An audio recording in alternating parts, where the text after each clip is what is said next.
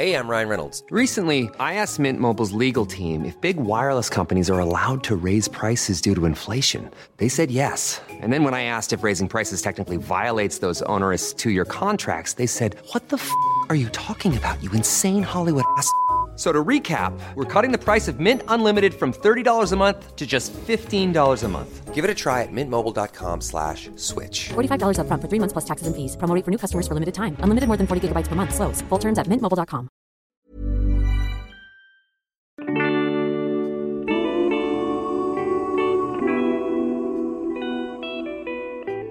Det här är Ljudbokspodden, en podd från Aftonbladet Kultur med mig Soraya Hashim. Idag ska vi prata om hur mycket en författare får lägga sig i inläsningen av sin bok och hur stora friheter en inläsare får ta sig. Vi träffar Mats Strandberg och Johan En som är författarparet där den ena dessutom är inläsare av den andras böcker. Och så kommer vi såklart bokcirkla också. Idag har vi med oss Aftonbladets breakingchef Hanna Olsson Berg och redaktör på Aftonbladet Nöje, Sandra Weibro. Vi har läst Emma Hambergs feelgood-bok Je m'appelle Agneta. Det knackar på dörren. Det brukar aldrig knacka på min sovrumsdörr. Nu öppnas den. Och där har vi Magnus i bara kalsongerna. Jag tänkte om du kanske vill komma upp till mig och... Eh, jag ligger där jag ligger. Med en hög av ost i ena handen och en rödvinsflaska på nattduksbordet. Busted, så att säga. Varmt välkommen till Ljudbokspodden.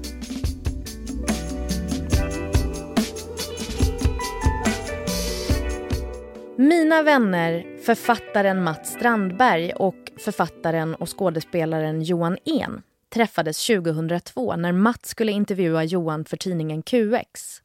2015 gifte de sig. På bröllopet hade Johan i hemlighet bytt ut ringarna mot likadana ringar som Angel ger Buffy i tv-serien Buffy the Vampire Slayer. Ringarna har två händer som håller i ett hjärta med en krona ovanför. It's a clotter ring. Hands represent friendship. The crown represents loyalty. And the heart. You know. Mats Strandbergs stora genombrott kom för tio år sedan när han tillsammans med Sara Bergmark Elfgren släppte boken Cirkeln som var den första delen i deras Engelsfors-trilogi. Sen dess har han släppt succéskräckisar som Färjan, Hemmet, Slutet och nu är han aktuell med sin senaste bok Konferensen. Johan En är skådespelare som utöver att driva en teater nyligen har spelat in filmatiseringen av Kristoffer Folkhammars roman Magisterlekarna. 2017 gjorde han debut som författare med romanen Down Under och sen dess har han släppt boken Hästpojkarna som nominerades till Nordiska rådets pris för barn och ungdomslitteratur. Utöver det är han dessutom en erfaren inläsare av ljudböcker. Särskilt Mats böcker.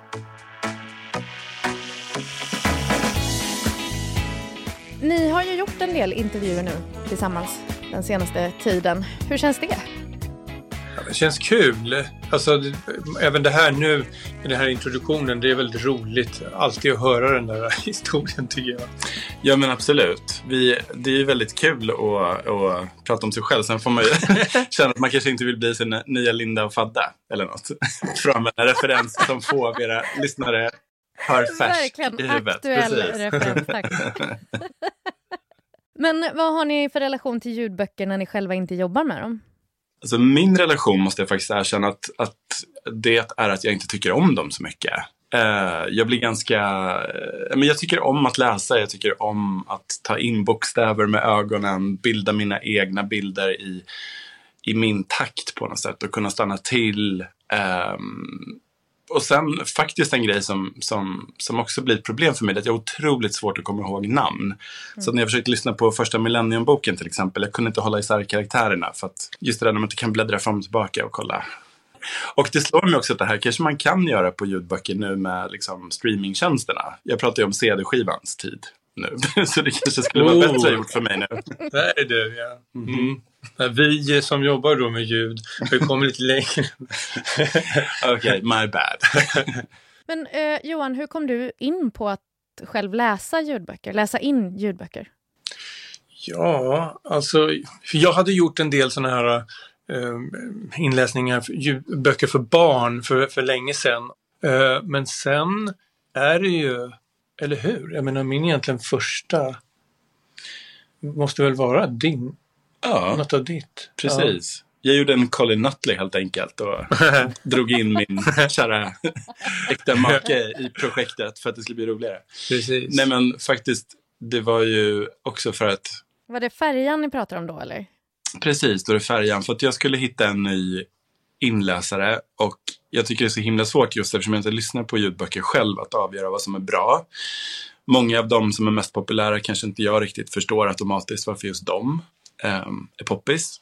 Eh, och det är så här, jag och Johan har ju liksom alltid pratat jättemycket när vi skriver på våra respektive projekt och, och jag bollar väldigt mycket med Johan, jag pratar väldigt mycket om just karaktärerna med honom eftersom han är skådis och van att analysera karaktärer och hur folk faktiskt pratar. Så, så Ja, jag tänker i det så har ju du redan hört mig. För då, en del av det arbetet är just att jag läser högt. Liksom, Ur Mats manus liksom? ja, ur, ur Precis. manuset, precis När jag ja. sitter och svettas och bara, hur låter det här? Kan du bara, kan du bara dra igenom det här? Det är ju Mm. det är en fantastisk tillgång att ha hemma vid köksbordet.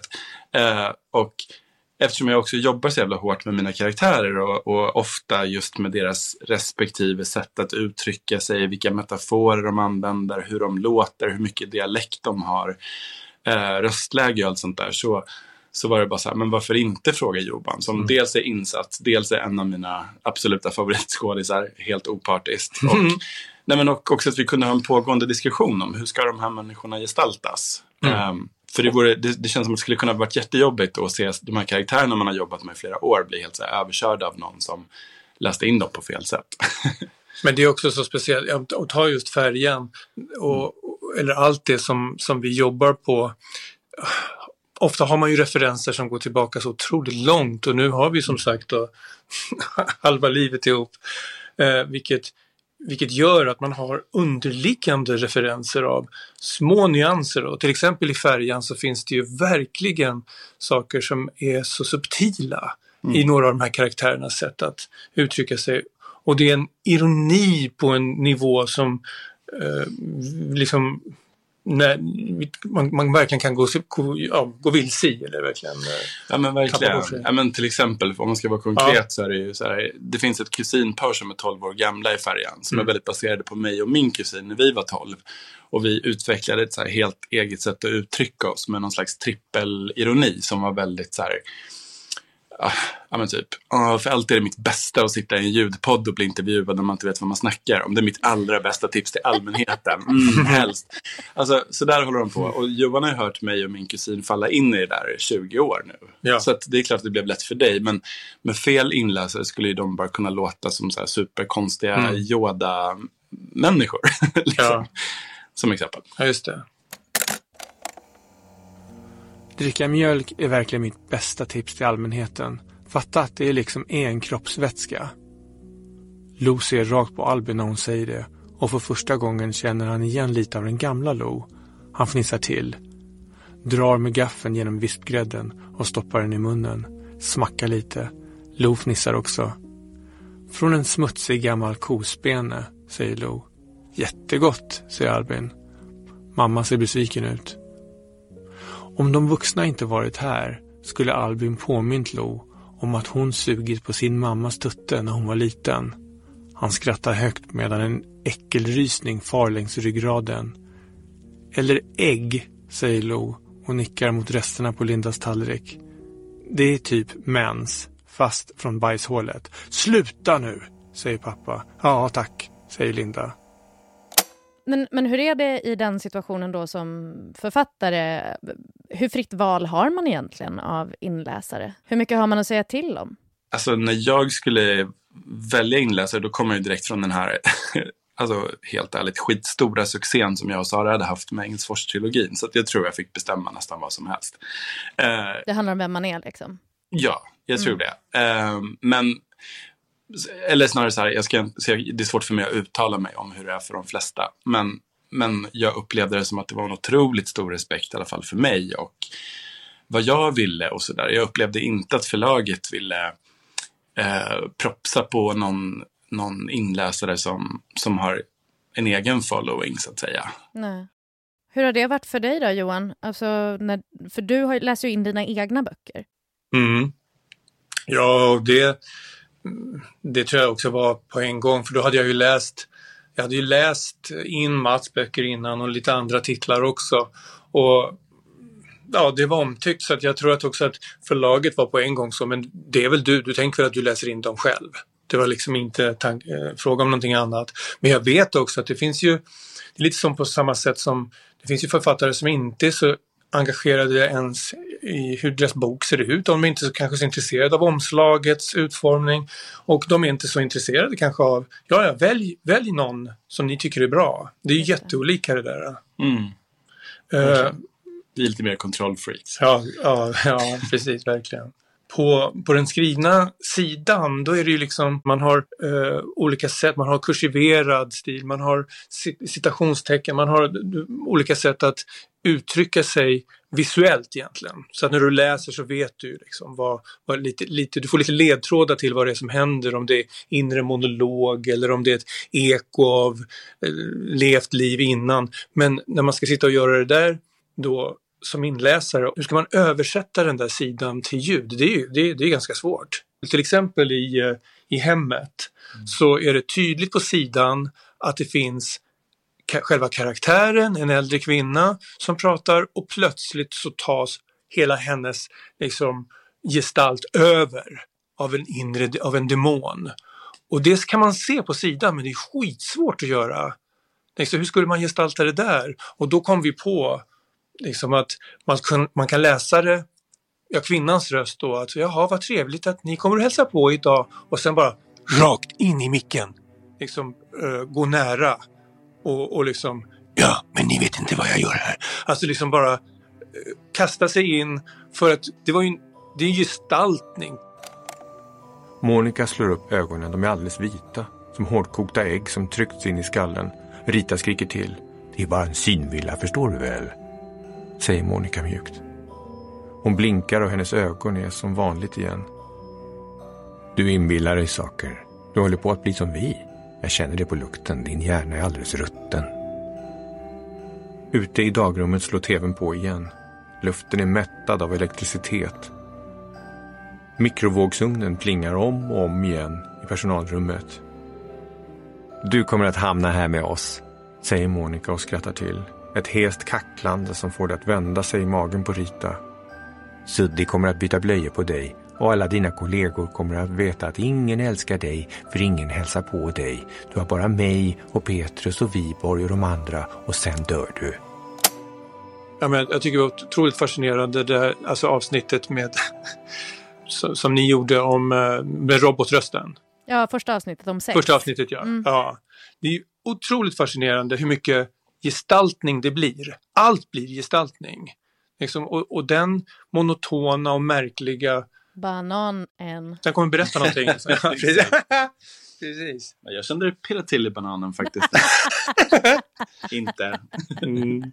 Men det där är ju svårt. Det är också därför jag litar på Johan så mycket. För jag tänker att det handlar också så mycket om vilken historia. Just det här som han säger om den här rösten på den här gamla damen i hemmet är ju egentligen över gränsen för vad jag tycker är okej, okay, men just här funkade det. Mm. Annars har jag ganska svårt för när man inte får plats för egna tolkningar i, i en lyssning. Mm. Men skulle du kunna säga det till Johan då? Om, om Johan liksom går bananas på en ja, av dina böcker? Ja, ja, ja. Mm, mm. Just det, absolut. Ja, men mm. alltså, vi läser ju varandras texter och är stenhårda mot varandra, så vi är vana. Ja. Så vad hände då, Mats, när Johan inte fick läsa in slutet? För det är ju den enda av dina liksom, senare böcker som Johan inte har läst. Ja, berätta nu.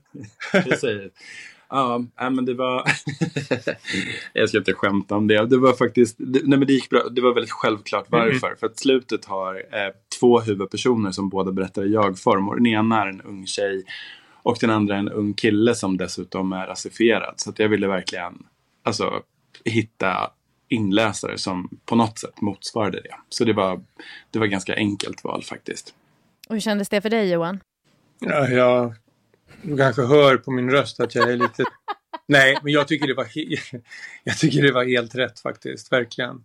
Men sen upplever jag också, jag vet inte om det är um, kosher i vanliga fall, men, men jag tycker också att det är väldigt skönt att eftersom jag litar så mycket på Johan och att han förstår min text, så tänker jag också att om vissa grejer blir för repetitiva, till exempel sånt som funkar på sånt som funkar på boksidan när någon säger eller att man hela tiden markerar ut sa hon, säger hon, ba, ba, ba, ba, ba. Det där kan ju bli jätte, jättejobbigt att lyssna på. Ja, exakt. Och ibland kan, kan det vara tvärtom, att det funkar med en dialog utan någonting sånt alls på en sida för att det är så enkelt att se om det bara är två personer mm. som pratar. Men då kanske man måste lägga till istället. Mm. Alltså där har ju du också mm.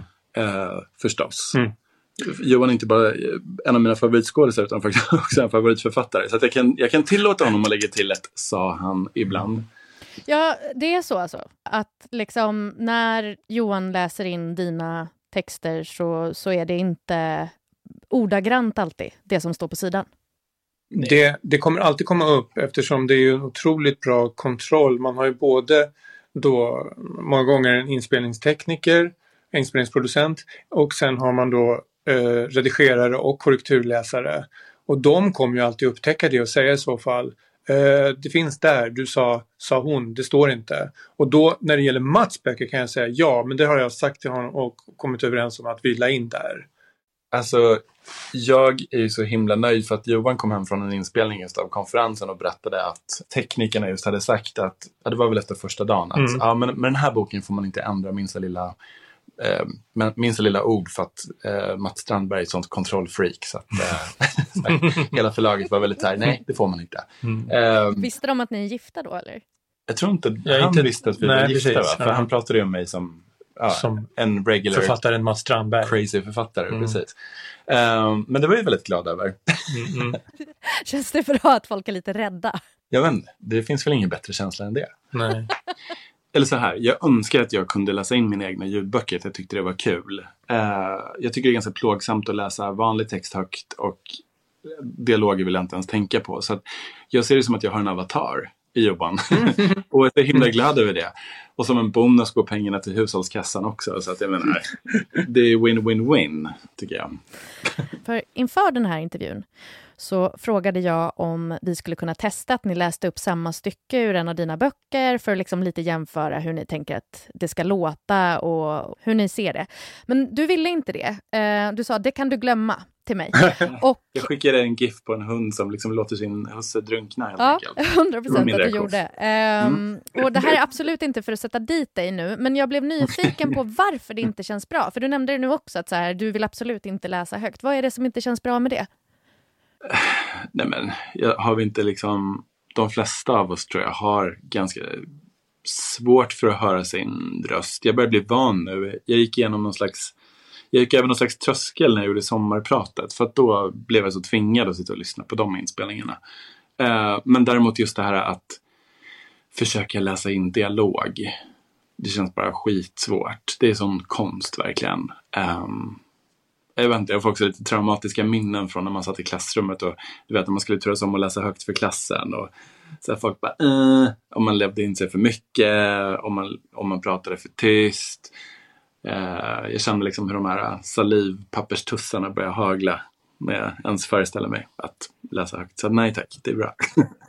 I dina inläsningar Johan, eh, jag tänker att det är ju som allt annat ett hantverk. Vad är det du har lärt dig med tiden av att läsa in ljudböcker? Det krävs ett väldigt fokus att sitta och läsa in. Eh, det är, det är ju verkligen att leverera text samtidigt som man läser den och, och att hitta nivån av vilken, sorts energi eh, som, som någon spe, en specifik text kräver.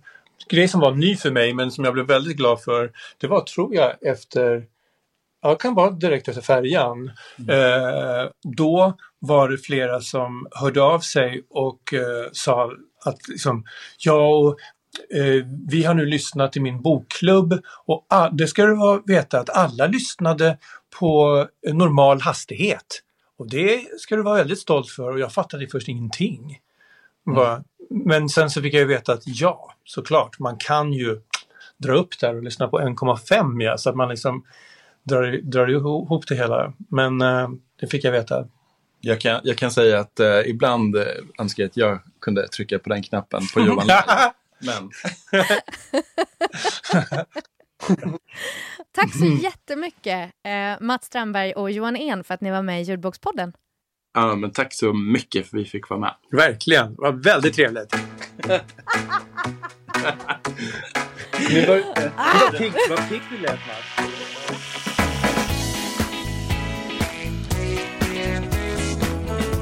Veckans bok är Je m'appelle Agneta av Emma Hamberg och med mig här i Bokcirkelstudion har jag Aftonbladets breakingchef Hanna Olsson Berg och redaktör på Aftonbladet Nöje Sandra Weibro. Välkomna!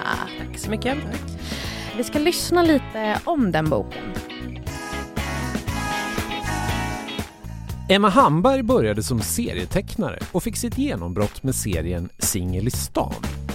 År 2000 så blev hon chefredaktör för Veckorevyn och hennes krav för att ta jobbet var att de skulle hoppa av Fröken Sverige-tävlingen, vilket de gjorde.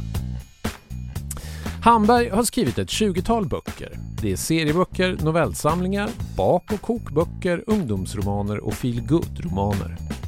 Och den senaste heter alltså Je m'appelle Agneta och ska filmatiseras redan nästa år. Den handlar om 49-åriga Agneta som minst sagt känner sig fast i tillvaron. Ungarna är utflugna och hör bara av sig när de vill att hon ska swisha pengar. Maken har snöat in på att träna, på fågelskådning och funktionskläder. Agneta är uttråkad. Så en dag svarar hon på en annons som söker en svensk au pair till en pojke i Provence. Agneta packar väskan och lämnar den grådaskiga vardagen hemma i Sverige. Men väl på plats visar det sig att pojken, det är en tvär svensk herre som heter Einar och bor i ett kloster. Nervöst kastar sig Agneta in i en tillvaro av franska karikatyrer, krämiga ostar, röda viner och nya vänner. Det är ett äventyr som naturligtvis leder till att hon hittar sig själv. Je m'appelle Agneta är nio timmar lång och inläst av Emma Hamberg själv. Hanna och Sandra, vad har ni för relation till feelgood-litteratur? För det här är ju verkligen rätt och slätt det. Jag har egentligen en starkare relation till Emma Hamberg än vad jag har till feelgood skulle jag säga. Jag gillar feelgood-filmer ganska mycket, men feelgood-böcker inte läst så där värst mycket. Jag läste Emma Hambergs eh, senaste bok innan den här, mm. som väl är mer då autofiktion, men också väldigt mycket samma miljöer och känsla. Det är ju, det är både frustrerande och härligt att det inte finns eh, så mycket stora konflikter eller känslor eller dramatiska vågar. Eh, Feelgood-film förstår jag mig också på lite bättre. Mm. Jag vet inte om det är att jag liksom har högre krav på böcker, att jag vill att det ska vara, i alla fall finnas en chans till att det är fem plus. Eh, och feelgood känns som att det ofta blir högst tre. Ja. Eh, men det är kanske också mina fördomar, för att jag, liksom, jag vågar inte ge mig in i det. Och feelgood bygger så mycket på scener tycker jag, eller och så här färger och dofter och smaker och så som kan vara väldigt, det kan ju vara jättesvårt att få fram i text. Ja. Jag tycker att man väldigt tydligt när man lyssnar på den här boken ser filmen framför sig hela tiden. Men vad tyckte ni då liksom om Je m'appelle Agneta? Vad, vad gillar ni liksom plotten? Alltså det var väl inte jättemycket plott egentligen, eh, utan det, det, är ju mer liksom själva liksom känslan och ostarna och vinet och liksom ett litet torg, ja, ja, en torghandlare. Bonjour madame! Exakt. Ja. exakt. Eh, så att egentligen är det ju bara liksom, ja, hon drar till Frankrike och träffar lite excentriska människor. Eh, sen är det liksom inte så mycket mer sådär, ja men ändå liksom rätt härlig, småhärlig lyssning och Eh, lite störigt på vissa ställen men ändå, ja men den gick ner. Mm. Jag, jag tycker nästan att det är mer som att följa en influencer än som att konsumera en bok. Alltså jag känner, i alla fall efter jag har lyssnat, nu kanske jag går händelserna i förväg, men mer att jag vill så här, åh, jag vill också åka till Frankrike. Hur ser det ut med coronareglerna? Kan man dra? Alltså, jag, jag blir mer liksom inspirerad och liksom göra det hon gör, eh, än att jag liksom känner några starka känslor egentligen för henne som karaktär. Mm jag håller väl med om det här att liksom, det känns ju inte direkt som att det var någonting som var oväntat i boken överhuvudtaget utan så här, allting som ska finnas med i någon slags svensk-fransk Eat, Pray, Love fanns ju där. Eh, den fyller sin funktion, man, man mår bra, man vill dricka vin, man vill käka ostar. Så. Gör det någonting att man inte blir så utmanad av den här boken? Nej, alltså det känns ju som att hon försöker ju ändå liksom ta in lite svåra ämnen, liksom demens och ja, med lite så här hbtq-rättigheter och sånt där. Mm. Nej, det är inte riktigt poängen. Liksom. Ja, men det är ostarna och miljön och de här lustiga typerna i byn. Mm.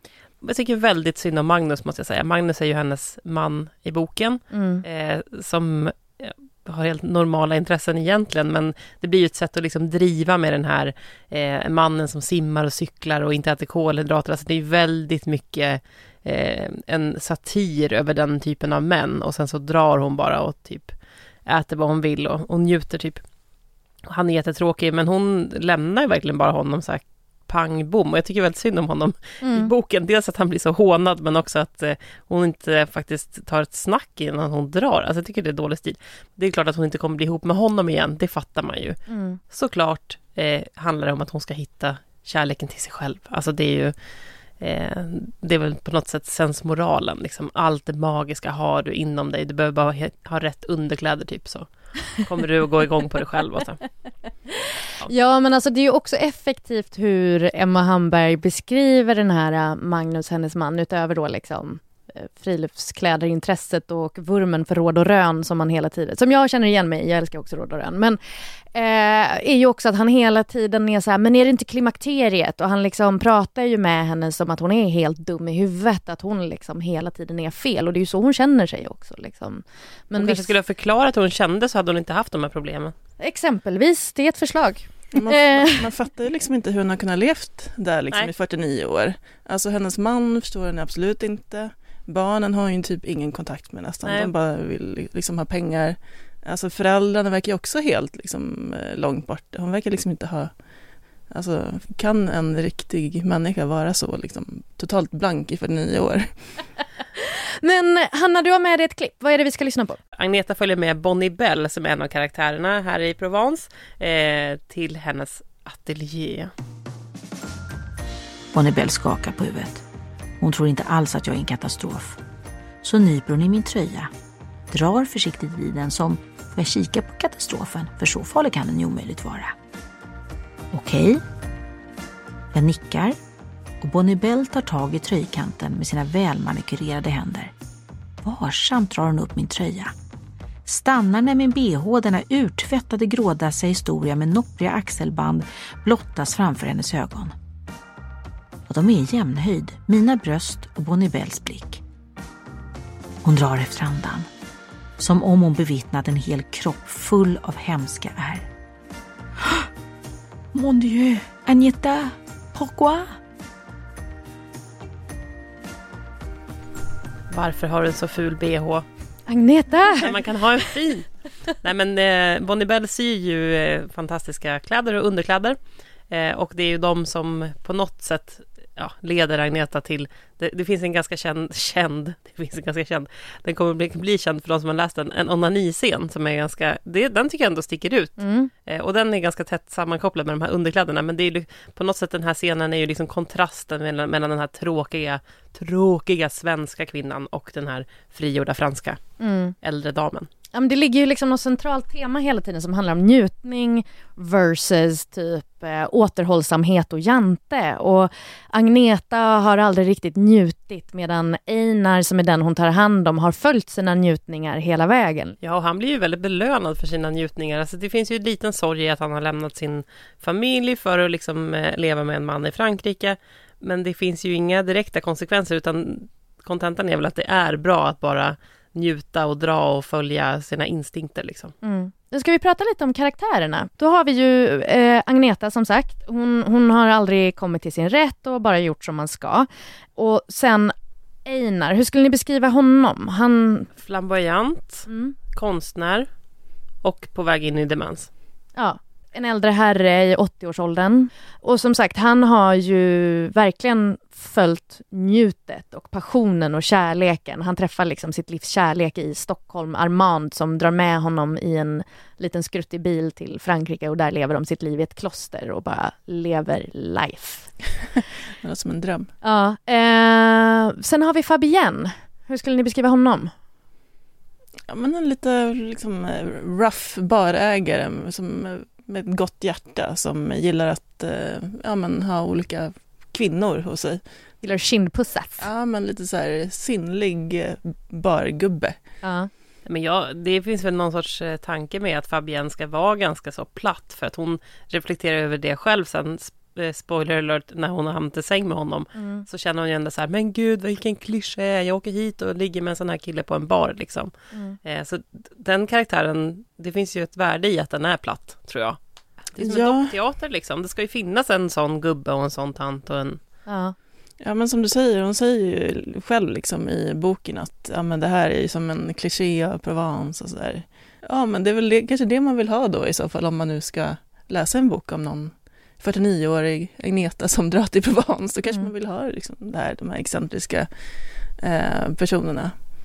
Vi ska gå in också på eh, Emma Hamberg som själv läser boken. Sandra, du har ett klipp som är kopplat till det. Vad, vad, vad är det vi ska höra? Ja, precis. Eh, hon, hon läser ju sin egen bok själv och hon är ju väldigt mycket Emma Hamberg, liksom, eh, författaren Emma Hamberg och ja, men som man känner igen henne, liksom, tv och allt möjligt.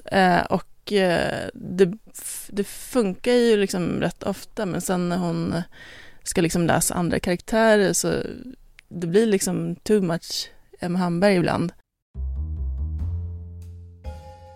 Bonnie Bell tittar undrande på mig.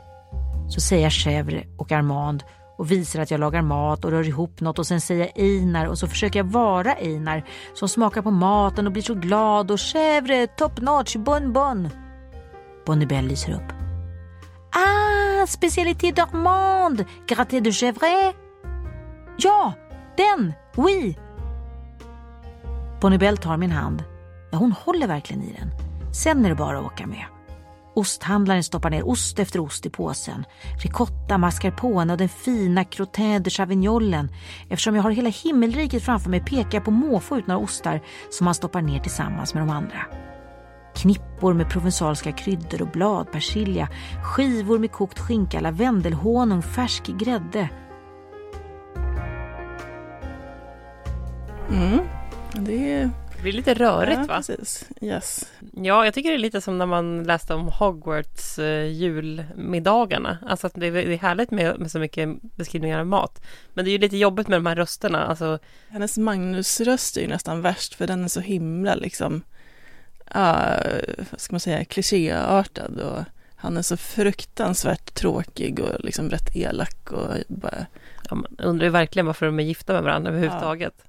Men alltså jag fattar, jag måste säga jag fattar att hon drar. Alltså så här, jag hade ju inte pallat att vara gift med Nej. Magnus, han är ju jättetaskig. Men varför, var, varför har de varit ihop så länge? Det tycker jag är ett mysterium.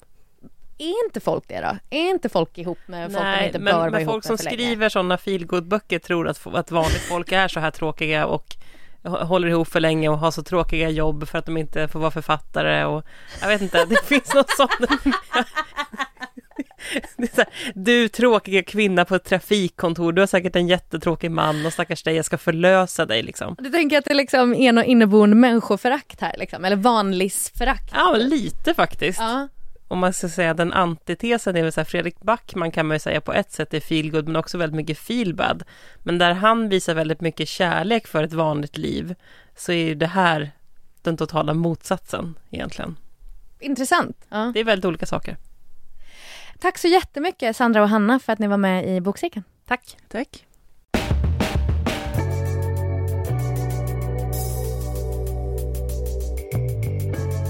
Ljudbokspodden är slut för idag och vi som har gjort programmet är producent Martin Ågård. I panelen satt Hanna Olsson Berg och Sandra Weibro och jag heter Soraya Hashim. Ljudbokspodden är en produktion från Aftonbladet Kultur. Vi hörs snart igen. Du har lyssnat på en podcast från Aftonbladet. Ansvarig utgivare är Lena K Samuelsson.